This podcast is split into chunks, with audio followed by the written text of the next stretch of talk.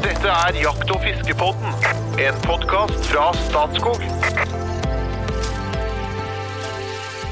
Hjertelig velkommen til et smakfull episode av Jakt- og fiskepodden. Jakt og fiske det handler jo om opplevelser som gir mening til livet. Det handler om planlegging, sånn som fluebinding, våpenpuss, pakking, reising, finne ut hvor du skal på tur hen. Og så er det selvfølgelig sjølve jakta og sjølve fiskinga.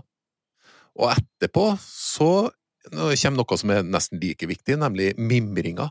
Og i dag skal vi ikke minst inn på det øyeblikket der du står med verdens beste og sunneste råværer, som med litt hjelp kan bli til de lekreste retter.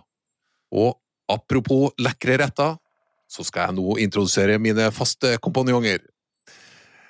Kunstnersjelen fra Asker som helst vil spille bluesgitar mens eh, samboeren eh, sorterer flua. En mann som har gjort jakt og spesielt fiske, både til jobb og hobby. En kreativ forfatter og engasjert samfunnsdebattant. Radiostemmen fra Asker, informasjonssjef i Norges Jeger og Fisk. Hjertelig velkommen, the one and only Espen Farstad. Tusen takk. Og en sånn medspiller kunne man tenke var nok. Men i Jakt- og fiskebåten så topper vi det med en litt annen type.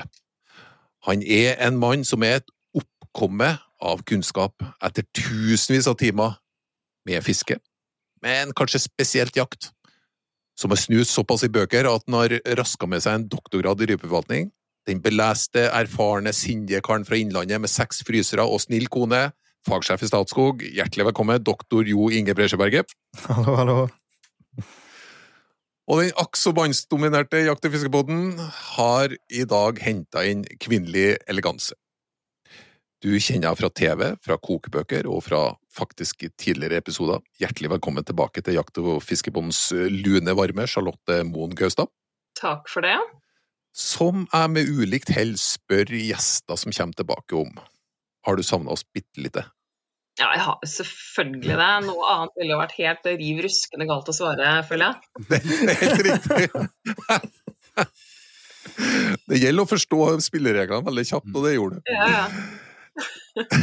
Denne gangen, Vi har snakka om, det, vi har om det, så vi- de lekreste retter og hvordan skal du få til det. Men i dag tenkte jeg vi skulle gå motsatt vei. Vi skal vinkle praten mot klassiske tilberedningstabber. Og men når vi gjør det, så skal vi jo selvfølgelig ubeskjedent bidra til noen smarte triks for å unngå fadesene. Og jeg kunne jo bidra med litt i stykker kokt fisk og seigt kjøtt og tenners knitsel, men jeg har eh, først og fremst tenkt å invitere dere treene til å gi bidrag, og gjerne egenopplevde bidrag. Men hvis vi starter på toppen, hva som er tabben over alle tabber? Jeg vil utfordre deg først, eh, Charlotte. ja det er For uten å si, med vite og, viten og vilje henge ut noen her, så er det jo Det serveres mye ødelagt vilt og vill fisk rundt forbi. Det gjør det. Ehm, Jeg tror jo at den verste fienden er rett og slett for hard varme og for lang tid. Vi har en tendens til å tenke at vi tar det nok sånn at vi er på den sikre siden. Ja. Men så må vi bare liksom huske på at dyret er dødt. Det skjedde i skogen. Nå må vi bare ikke gjøre det en gang til, liksom, og slå i hjel fine, den fine råværen vi har foran oss. Er det noe som henger igjen, Charlotte, fra gammelt? Det var jo vanlig å steike kjøttet mye lenger før. Altså, de hadde griser på Ja, gården og ikke tok trikkeinntester. Ja, Ester og sånt. så- ja, det kan godt være, men jeg tror jeg- vi har en sånn eh, en oppfattelse av Jeg vet ikke om det er en frykt eller hva, da, men eh, at det skal være well done. Um, og det er sikkert fått lov å henge i noen sånne gamle myter om at eh, det er noen farlige bakterier eller hva, men eh, noen har jo òg rett og slett sånn blodangst, tror jeg. Og det er jo òg litt rart da, når du kanskje er den som òg har skutt viltet, at du da skal steke det well done etterpå. Um, ja, så i, i, på mange kjøkken så ødelegges det dessverre litt for meget. Ja, nå, jeg, jeg er jo en som virkelig har begynt å koke kjøtt, og jeg føler at eh, jo lenger jeg koker det, jo mørere blir det, så jeg følte meg umiddelbart truffet nå. Men eh, Espen, kan ikke du inn på litt Dette, ja, nei, altså, her, her er det jo så mange innfallsvinkler til dette, det er jo kjempespennende. Altså, først så er det litt hva man er vant til. Vi skal jo selvfølgelig vokte oss for å besitte sannheten, for det, det kan jo være, altså smaken er som baken, den er delt. Og når jeg kommer hjem til min mor, som er 92, og lager middag til henne, så er det ikke snakk om at det skal være blodig her, altså. Det er ikke det. Og det kommer jeg Jeg kan argumentere så mye jeg vil, jeg, Charlotte, på det, men det hjelper ikke. Hun skal ha det grått. Nå er det i tillegg engelsk, da, så hun er vant til at alt må steikes, for det var vel svakt bederva fra før av, det de fikk midt i England der. Men, men det, er, det, er, det er litt variabelt. Og så er det selvfølgelig det med koking. Altså, jeg, Du kom fort inn på et poeng som jeg hadde notert meg jeg skulle ta opp med Charlotte underveis, for jeg er så glad i kokt mat. Og du kan jo nesten ikke koke ting for mye, i hvert fall ikke vilt.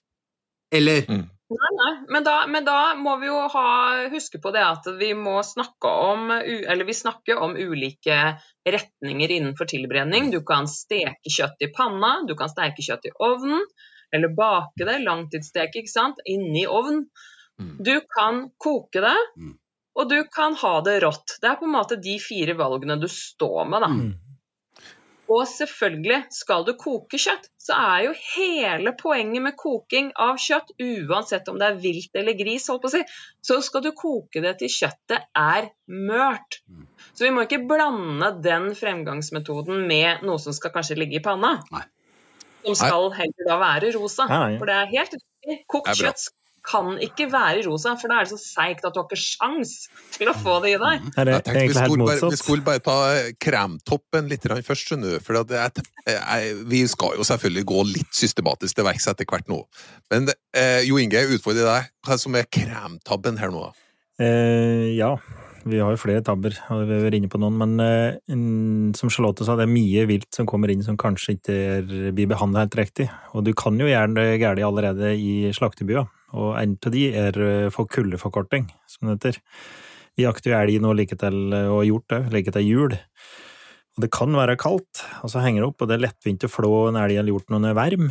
Henger det opp den i ei kald, gistig slakteby, eh, og det er kaldegrader ute og kanskje blir mange kaldegrader. Ved klarnett du får 10-15 kaldegrader, og så får du det vi kaller kuldeforkorting, da mørner ikke kjøttet.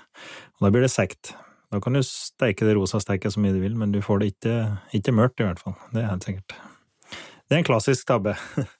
Ja, det er en Mm. klassisk tabbe. Og det er eh, det med Altså, alt kjøtt må, må liksom få lov å, å mørne eller modne. Og gjerne både dobbelt så lenge og tre ganger så lenge som eh, de døgngradene man har lært at skal være der. Men med en gang frosten kommer, så stopper den prosessen. Mm. Det må vi være nøye på. Det er en klassisk tabbe i hvert fall. Og nå er vi nemlig Det det er jo veldig lett å ta dette kronologisk, sånn at vi tar det, vi, vi tar det før tilberedninga på kjøkkenbenken nå. Men, og, og for å holde på viltet først, for det er ganske stor forskjell på vilt og fisk her. Eh, hvis vi holder på viltet først, når, når merker du at det har eh, ligget for lenge? Jeg husker en episode Mamma hadde jo glemt et elgkalvlår på stabburet eh, en høst. Og så når hun kom på det, så gikk hun ut for å sjekke det, og det var jo litt sånn Ja, jeg vet ikke om det hadde liksom rukket å få en grønn hinne rundt seg, men det var jo var ganske inntørka og, og hvitt og i det hele tatt. Og sikkert litt sånn seigt og slimmete rundt også. Så jeg tror hun var løsningsorientert. Her skulle det ikke kastes noe mat, så hun skrubba det med salt, skylte det, skjærte det opp, sa det møreste, beste kjøttet vi har hatt noen gang. Mm. Så hun brukte sansene sine, da. Ja. Og, og hadde også et lite, lite salttiltak. Ja, jeg Du kan jo bli sjuk av det. Ja, Espen? Nei, jeg har bare hørt, jeg har hørt at hvis man, hvis man henger eh, ting eh, for lenge, da, i anførselstegn, så kan det være en fordel. Det er vi jo enige om at 60 døgngrader det kan være kjempefint, det. Eller 80 kanskje til og med også. Det er litt avhengig av, men det kan jo, på et eller annet punkt så begynner jo dette kjøttet å bli litt funky. For å si det sånn, og da, da liksom, hvordan, hvordan redder man det da? Du sa salt. Jeg har også hørt eddik. Vaske med eddik er en sånn greie for å liksom Du får av slim og liksom alt det der ytre greiene, og så kanskje du skjærer deg litt ytterst, da, hvis det ser ille ut, men at inni der så ligger det jo ja, det er jo en trend også med sånn der langtidsmodning av kjøtt. ikke sant? Jeg har kjøpt sånne poser, jeg, faktisk, som, som jeg putter kjøttstykker inni og legger inn i kjøleskapet, og de er litt sånn Gore-Tex-aktig. Altså, de slipper ut fuktighet fra kjøttstykket, men trekker ikke fuktighet inn.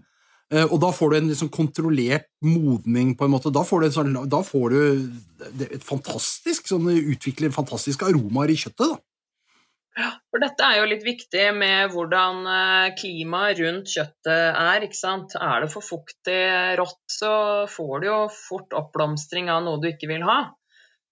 Og fluer og altså Det er mye rart som kan skje der, men er det tørt og perfekt temperatur, så vil du jo bare få den der gode tørrmodninga. Mm.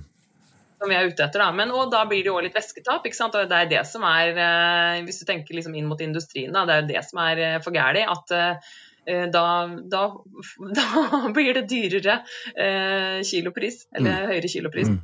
Eh, så, men, men du får et, sånn som du sier, du får et så mye bedre resultat. Men, men hvordan det, Nå Jeg har kritisert Jo Inge litt før for at han har litt mye stabbur rundt seg. For han henviser hele tida så henger han ting på stabbur og sånn. Folk flest har jo ikke stabbur. Folk flest bor jo i sånne klimaregulerte, trange leiligheter. Hvordan klarer Ja. man å, å liksom håndtere kjøtt i slikt? Alle burde ha stabber. Mm. Jo, jo. Man, generelt en feil i samfunnet er at du bor sånn. Nei da. Ja.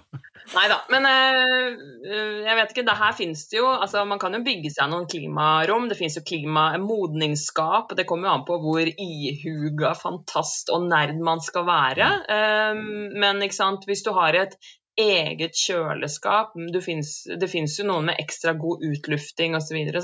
som du kan stille inn og bare ha til modning av kjøtt. Hvis du på en måte jakter mye og du, Mm. du må ha det sånn, ellers så må du alliere deg med noen som kan oppbevare det og modne det for deg. da. Mm.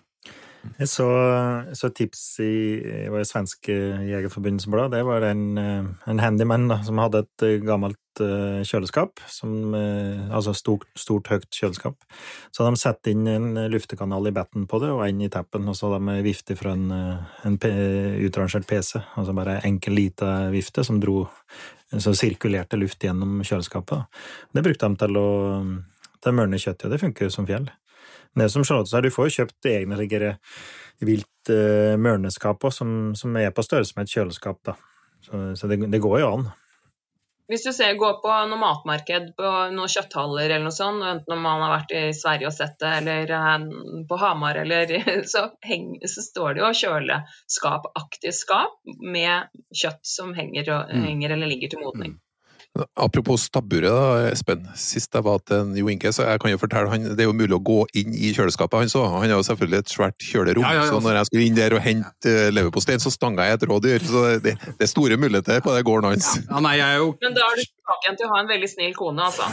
ja, ja. Og så tenker jeg at vi er jo, et, vi er jo en podkast for folket. Og folket flest har altså ikke stabbur. Det er mulig det er et sånn der Tinder-sjekketrips å skrive på at 'har stabbur', og at du da kan skaffe disse alliansene, men, men jeg, stort sett så må vi finne løsninger eh, i leiligheter og, og trange hus. Men det går an. Det går an. Enig derre Hvis du er litt ivrig, og det skal, er jo noen av oss, så er jo dette her med et, med et kjøleskap med litt sirkulasjon, da har du på en måte et kjempeutgangspunkt for å kunne kontrollere kjøttet. Mm.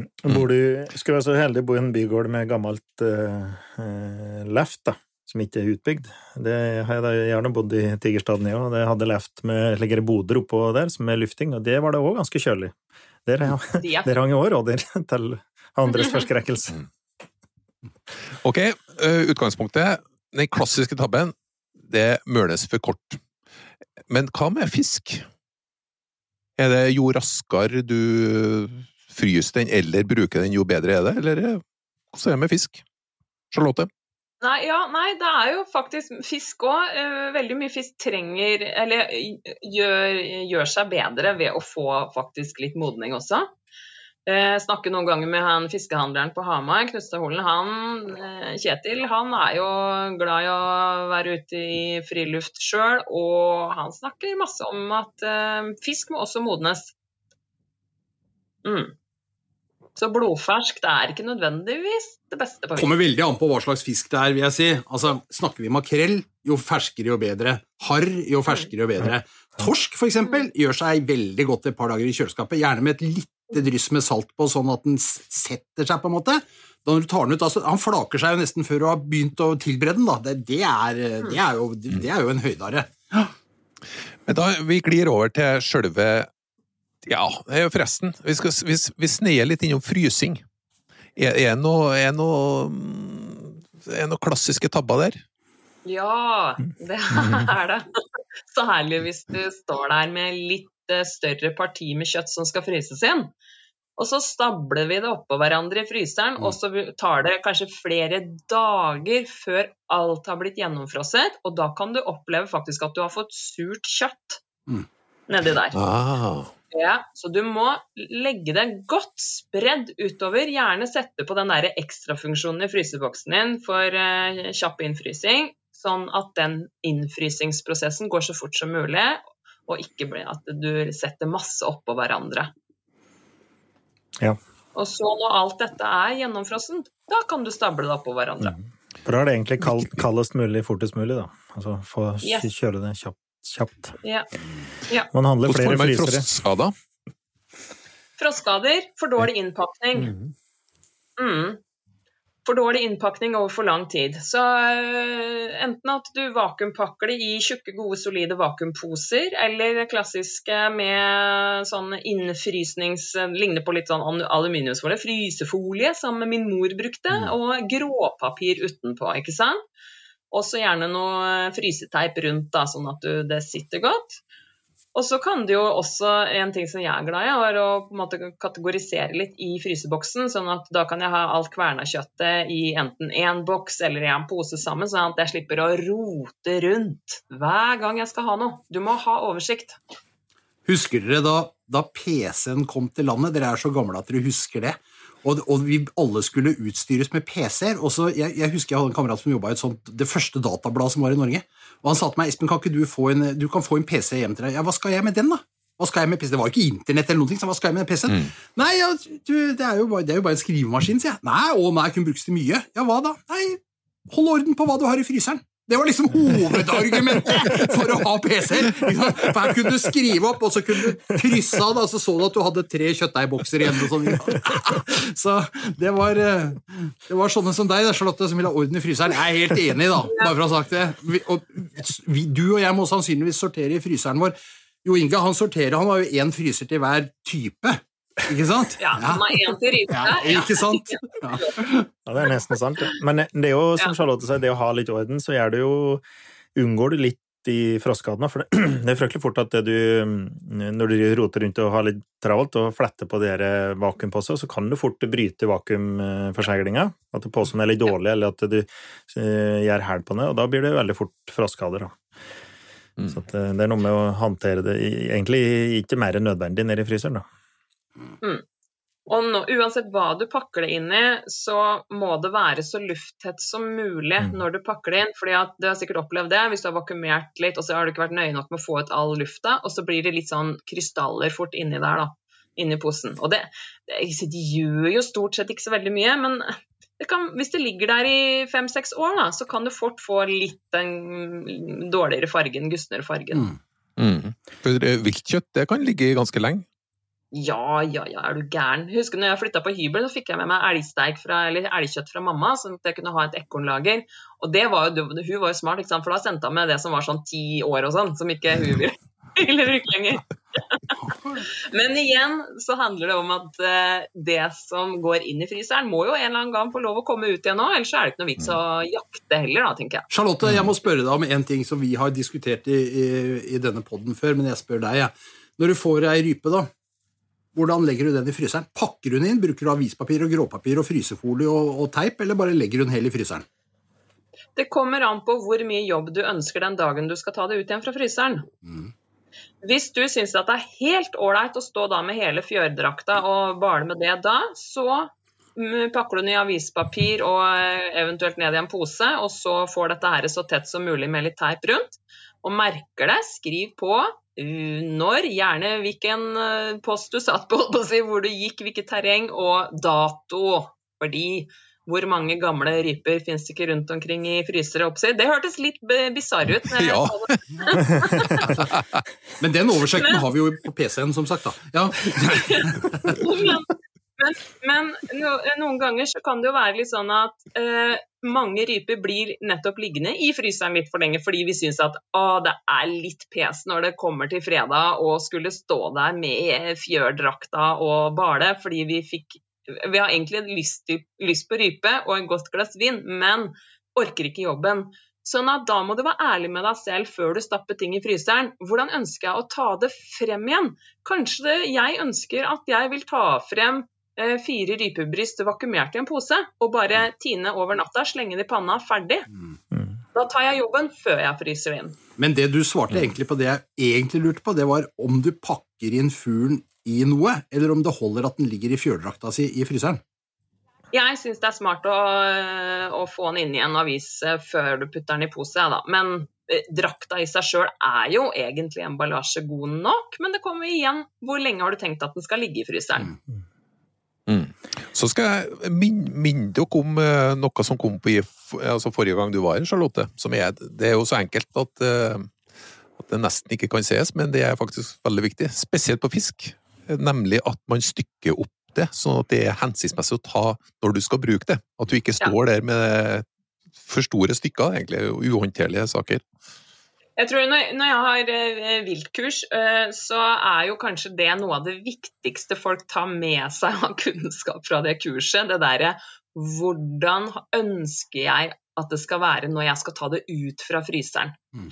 Både hva gjelder størrelse, men òg som vi sier med eller uten fjør. Og, ikke sant? Det er litt smartere å ta ut eh, et kilos kjøttstykke enn en rundbiff på fire kilo. Fordi det er liksom, Skal du bruke den til konfirmasjoner, så er det ikke så innmari mange ganger du får tatt ut. Nei. Hvis du er som meg, da, som storproduserer eh, lapskaus for et halvår, og så er ferdig med det, så har jeg lapskausen i fryseren istedenfor en fire kilos steik. Mm. Men her er det viktig at eh, vi tar og spør oss det spørsmålet om hvordan skal jeg ha det når jeg tar det igjen, før vi putter noe inn i fryseren. Mm. Gjør det smart, sånn at det funker.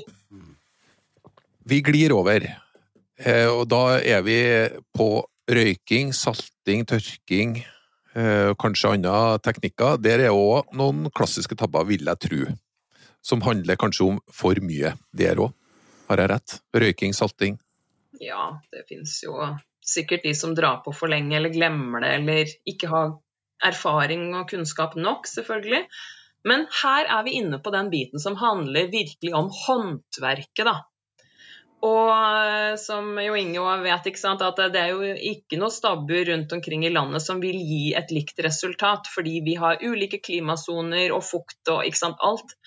Um, og det samme er, altså vi, vi har på litt salt, noen har store never, andre har små never. Og altså her er det skjønn og erfaring og hva man liker sjøl. Mm. Ønsker man sterk røyksmak, så ja, kjør på. Men her må man rett og slett bare bygge erfaring altså, og lese seg litt opp. Og finne den eh, varianten og resultatet man liker. Du har et triks, Espen. Ja, mange triks, jeg, men uh, Ja. hva Jeg var på lake og vakuumpakking videre. Du, Ja, ja, ja, ja, ja. ja, ja, akkurat. Jeg salter, eh, jeg salter og legger i vakuum, ja. For da kan jeg liksom måle opp eksakt hvor mye salt jeg skal ha, og få det liksom Jeg har en kontro veldig kontrollert salting, da, å ha det i vakuum. og men en ting som jeg synes er en, sånn, en klassisk nybegynnertabbe når du skal begynne å røyke ting, det er jo at du ikke legger stor nok vekt på tørkinga i forkant.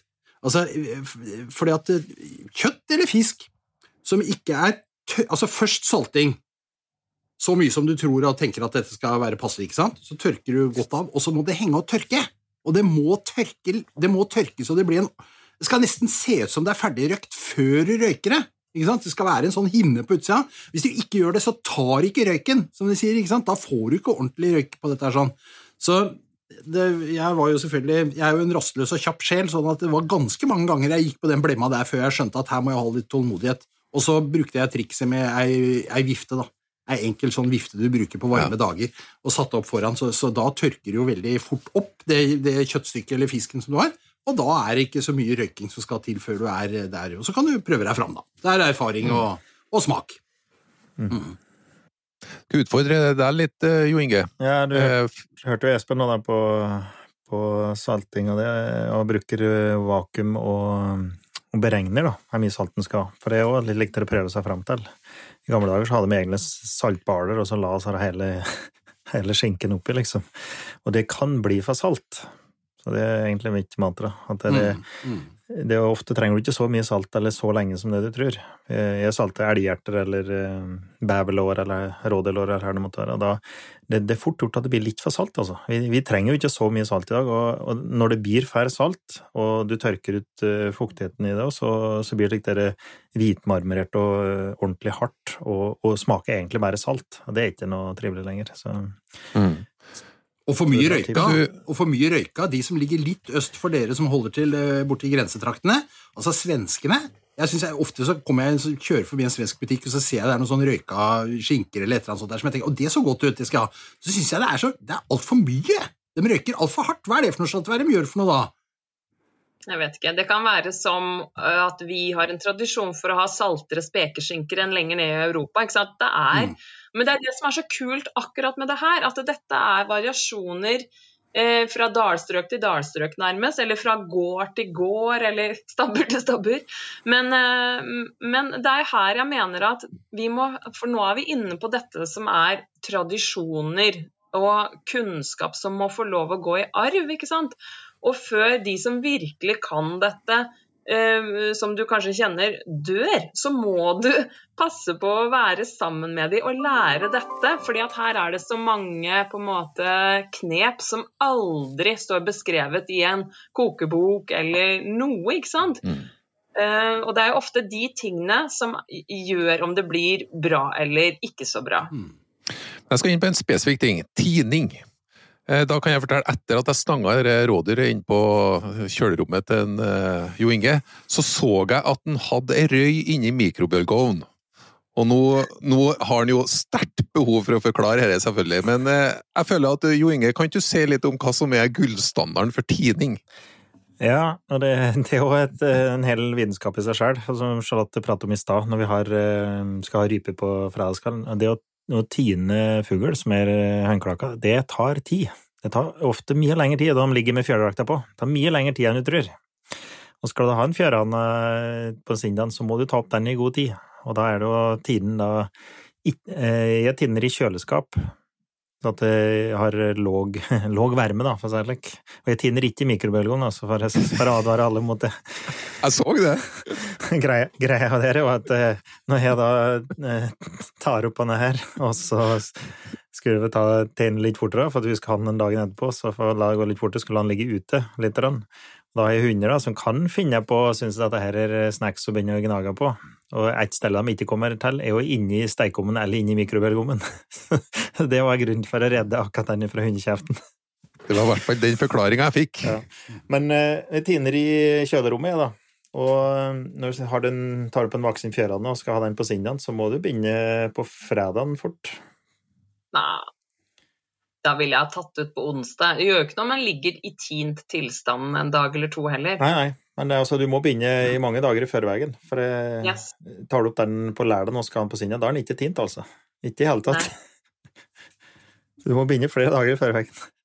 Ja, jeg begynner ofte med å legge det en, noen timer på benken idet jeg tar det ut fra fryseren, for å liksom la det komme litt i gang. Mm. Tips å legge i mikrobølgeovnen. Ja. Men ikke glem den, da. Og så legger jeg det jeg skal tine, i kjøleskapet. Yep. Men, men dere har ikke sagt hvorfor? Hvorfor skal dere legge det i kjøleskapet? Hva er poenget? Fordi vi er så innmari gode på å planlegge i god tid, skjønner du, så vi slipper å legge det i varmt vann. Nei. Enøk. Altså, det er inni, dette er jo kanskje mest innbilt, da, fordi jeg har sett noen undersøkelser og jeg tror det var, eller uttalelser fra Mattilsynet bl.a. Hva er best? Legge det i varmt vann, i kummen, kaldt vann, på benken over natta eller i flere døgn i kjøleskapet. Og jeg tror ikke det egentlig kom, at de kom fram til at det ble noe mer eller mindre bakterievekst ved å gjøre det f.eks. på den ene eller andre måten. men her, her, tenker jeg må gjøre litt sånn som eh, passer, eh, passer en. Ehm, men jeg har eh, mest og best erfaring med at tining i kjøleskap òg gir litt mindre væsketap. Ja, det samme er jeg òg. Du får mindre væsketap. Hvis du tjener steiker og det òg, så får du mindre væsketap.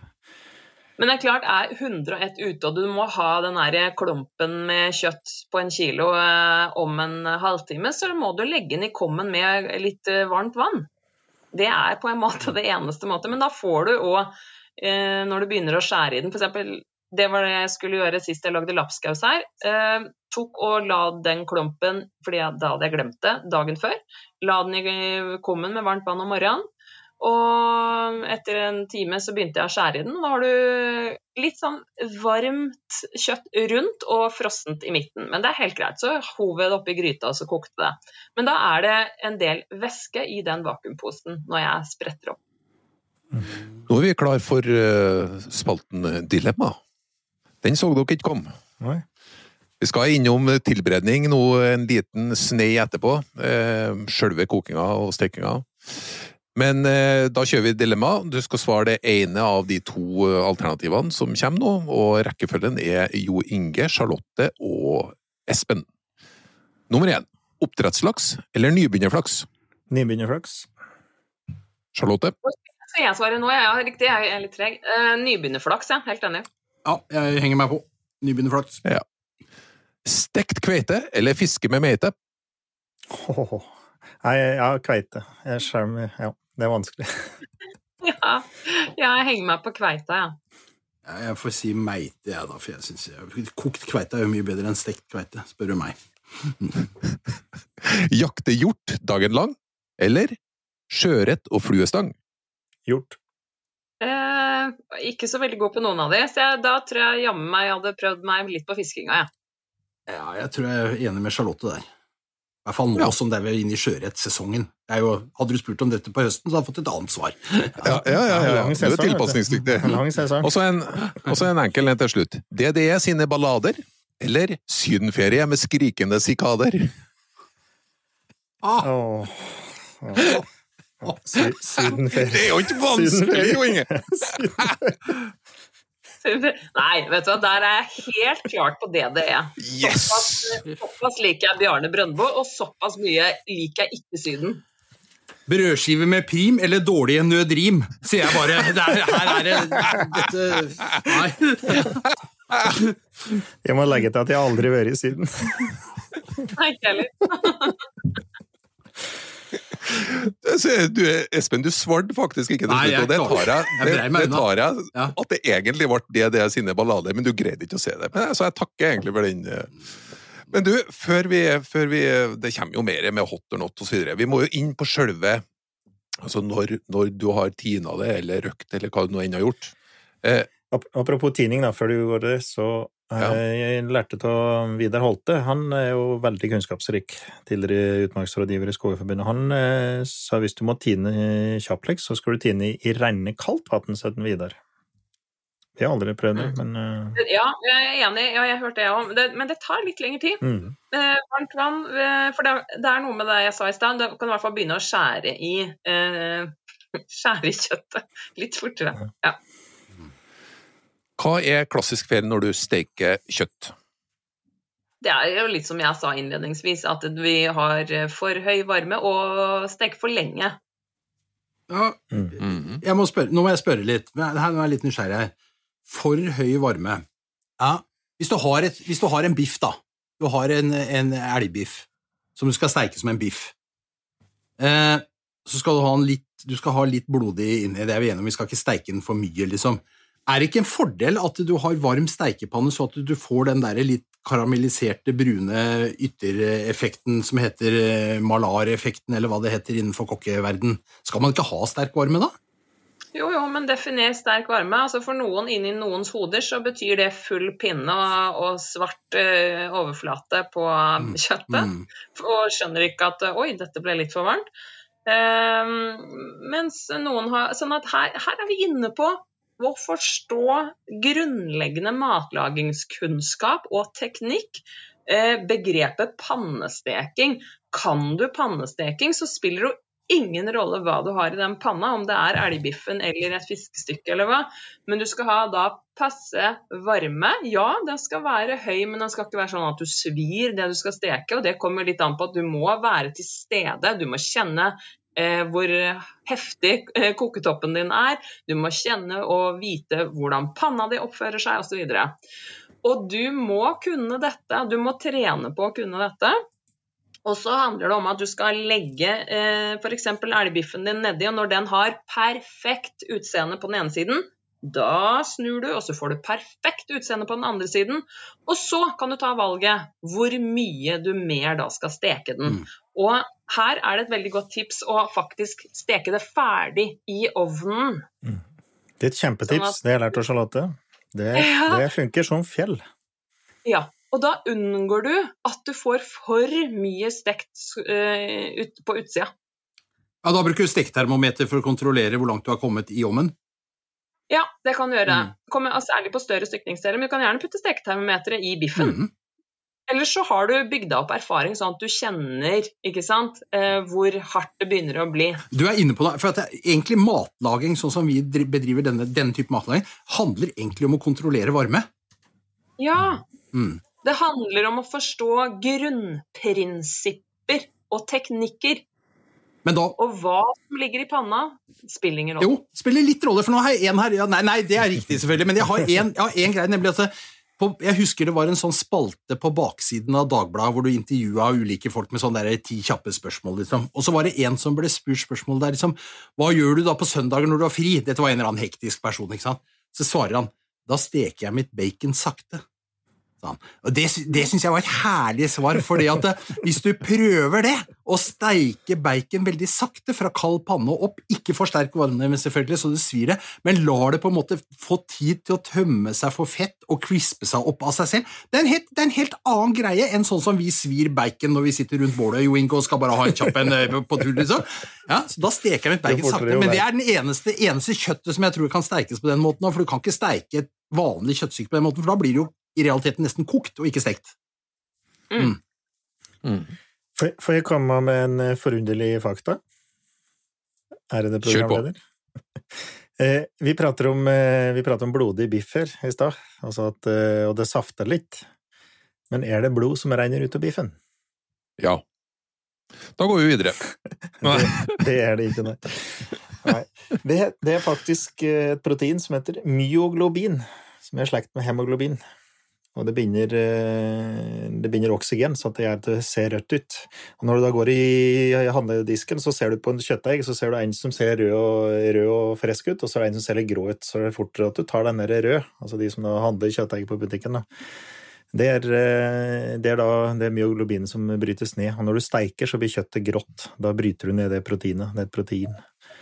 Så nå vet du det. Det er ikke Ja. kjøtt, men det er myoglobin. Og tidligere så tilsatte de nitritt. Så hvis du reiser til Danmark eller nedover i Europa, så ser du kjøttdeigen ser, ser veldig fresh ut. Helt raug og fin og fresh, og den kan ligge der i tre uker. Det er for at du tilsetter nitritt og binder det myoglobinet. Da, da ser det rauere Mm. og friskere ut. Mm. En liten fun fact. Ja, veldig bra. Veldig bra. Og det med nitritt det syns jeg jo er litt eh, spennende, For man, man, man bruker jo sansene til folk, som vi har vært litt inne på nå, med lukt og smak og syn. da. Mm. Der overkjører man det Så for uh, Det ser ja. bedre ut enn det er. Yes. Mm. Ja. Eh, på fiskefronten, da, er det noen sånne klassiske, klassiske tabber der? Altså, koker man fisk? Eller skal det kun trekke? Trekke. Ja. Og det betyr jo at uh, kokevannet ditt skal ligge oppunder uh, kokepunktet, men det skal ikke koke. Sant? Så vi snakker om en sånn 80-90 grader kanskje da, på trekking. Mm. Jeg syns fisk på samme måte som kjøtt ofte kan være på grensen til rå inni. Altså at vi skal tørre også Ofte så kan du, liksom- hvis du tar et stykke fisk og steiker, da, for eksempel, at du tør å stoppe steikinga før den er helt gjennomstekt. Det vil få en sånn litt sånn etterstekingseffekt bare ved at den ligger på tallerkenen og skal serveres. og alt mulig sånt. Liksom. For det, da unngår du i hvert fall det derre tørre, steke-tørt-problemet som jeg syns jeg ofte får når folk, steiker fisk altfor lenge, akkurat som de gjør med en del kjøtt. Her skal jeg gi dere et lite, sånn, en, en huskeregel i forhold til det med farge, og uansett om det er kjøtt eller fisk. Hvis du tenker på rødt kjøtt, så tenk, er det jo naturlig da å, å la det ha en rosa kjerne. Og det samme kan du tenke på rød, rød fisk. Helt supert om rød fisk har en ø, rosa kjerne. Men på hvitt kjøtt, typ kylling da, eller kalkun, eller, eh, så må du jo eh, ha det gjennomstekt. Men det betyr ikke at du skal steike det tørt. Her er det en fin nyanseforskjell. Eh, Men det samme med hvit fisk. Den har en annen tekstur enn rød fisk, som gjør at den kan bli litt sånn, nesten litt sånn i gåstein, vanskeligere å, i, i munnen da, å tygge. Eh, Den, den må liksom få varme nok igjennom sånn at den skyver seg. Da blir munnfølelsen mye bedre på hvit fisk. Mm. Men man må stoppe i tide, sånn som du sier. Det skjer noe i ettervarmen. Eh, enten om du løfter den over på tallerkenen eller fat, eller om du trekker panna til side, så må du gjøre Du må stoppe den harde varmen, i hvert fall sånn at du gir rom for ettervarmen til å bare trekke gjennom. Mm. Da får du saftig resultat. For hvis vi steker det helt til det er ferdig, så har vi gjort det kunststykket at vi har gjort det tørt. Mm. Det er samme hvis du koker brokkoli, og du koker det helt til det er skikkelig ferdig, og så skal du begynne å rope på unger og ikke sant? Da er det jo da er det, da kan du like godt ta fram stavmikseren og kjøre det til en mos, for det er mer appetittlig å spise da. Mm. Men nå er du inne på noe som er veldig spennende, synes jeg, Charlotte. For det, er, det å lage et måltid mat handler jo veldig mye om timing. Ikke sant? For du har ulike elementer som skal at, at du tenker litt grann med hodet ditt på forhånd før du starter. ikke sant? Sånn at du, når du serverer, så kommer, folk, så kommer denne, disse elementene i en, en middagsrett eller hva det er for noe, sammen uten at fisken er iskald eller potetmosen har ser ut som lim. Jeg har lyst til å spørre Charlotte om en ting, for en av de første ting, Jeg har kjent Charlotte ganske lenge, da. Og en av de første tingene jeg lærte, det var at du skulle ha steika hvile lenge. Det, det er mantraet til Charlotte, og det, det har jeg jo- lært, da, etter hvert. Men hesten En ting er å la den hvile lenge, det handler jo da om timing, da, som Espen sier her. Da må du jo time det, for at skal den hvile, så må du gjøre andre ting for å få det til å gå i hop når du skal servere det. Da, ikke sant? Ja. Eh, Så det må planlegges. Og, men hesten, eh, hesten holder du varmen, da? Eh, Når du lar den hvile lenge? Eh, Jeg kan svare på det først, så skal jeg gi dere en, eh, en, en oppskrift på hvordan man skal tenke. Eh, Jeg syns jo egentlig at vi skal slutte å tenke at denne her steika må være så innmari varm når vi skal spise den. Mm. Jeg syns det er så mye bedre at vi spiser en saftig, mør, god steik. og så har vi varmt tilbehør til, enn at vi skal spise en kokevarm steik som du skjærer i, og juicen spruter ut idet kniven går ned. gjennom. Det er jo helt forferdelig. Og så blir det tørt og kjett og grått. Det er jo Ja. Og så Ja, nei, så det, der trenger du ikke å tenke at du skal ha så varmt resultat på kjøttet. Tenk heller at det skal være saftig, ha hvilt lenge nok osv. Kan heller få være kjølig. Jeg serverer gjerne kald steik med varmt tilbehør, f.eks. Men dette handler jo egentlig om akkurat det vi lærer når vi går på kokkeskolen, begynner i lære og blir kokker. Hvordan skal man drifte en restaurant? Jo, du er kanskje på de store stedene, så har du en grønnsaksavdeling, du har en fiskavdeling, du har en kjøttavdeling, du har et koldkjøkken, og så kommer det inn en bestilling. Ok, bord fire skal ha dette, og så leser kjøkkensjefen opp det, du må huske det i hodet, og så setter du i gang. Og så skal alle stasjonene time sånn at når kjøkkensjefen roper opp ok, bord fire om to minutter, da skal alt komme sammen på plata hvor vi legger opp maten. Sant? Sånn må du tenke når du står og lager i stand Mm. til middag. Ok, hva tar lengst tid, Mm. hva, og ergo må settes i gang først. Tar steika fire timer og skal hvile én time, så betyr det at jeg må, og gjestene kommer klokka seks, så veit du at senest tolv må jeg starte med den steika der. Mm. Sant? Men når Charlotte har sagt at den kan gjerne være kald, så kan jeg gjøre det rett etter frokost, ja. Og ta bort et stresselement.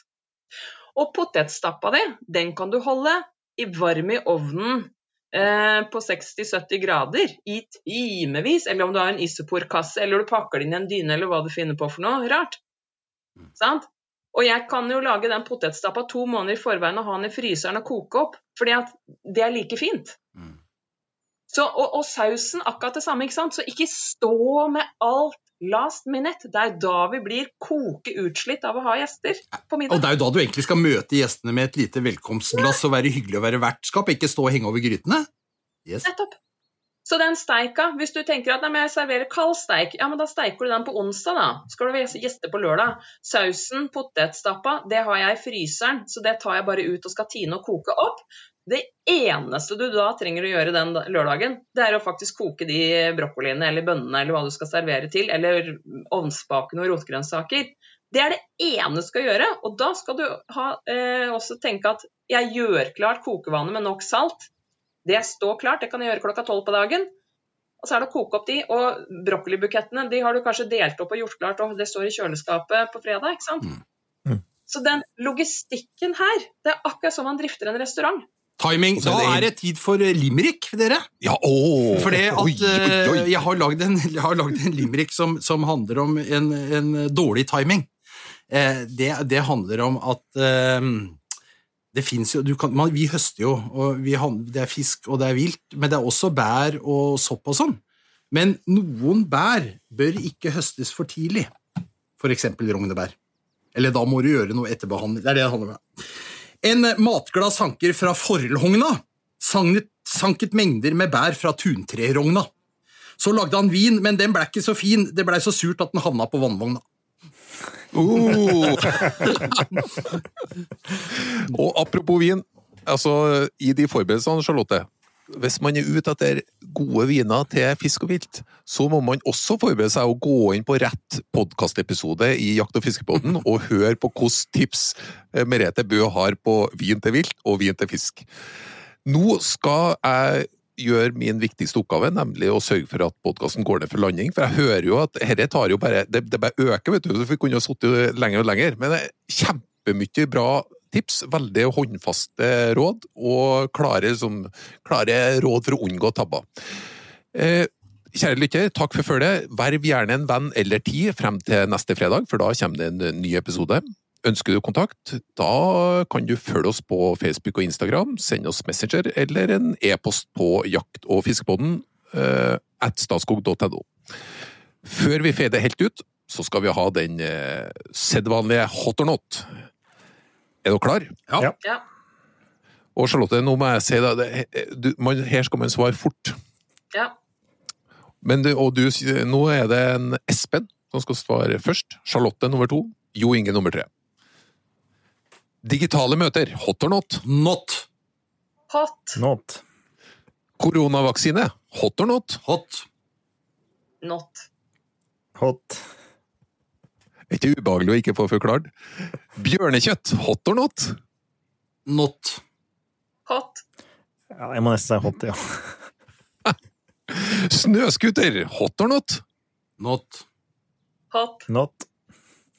Og siste, sånn at vi samler oss om en felles uh, sak der vi er enige, alle mann og alle kvinner. Åge Aleksandersens låt fra albumet Ramp fra 1980, den sosialdemokratiske hymnen Gjennomsnittsmann, hot or not? Not.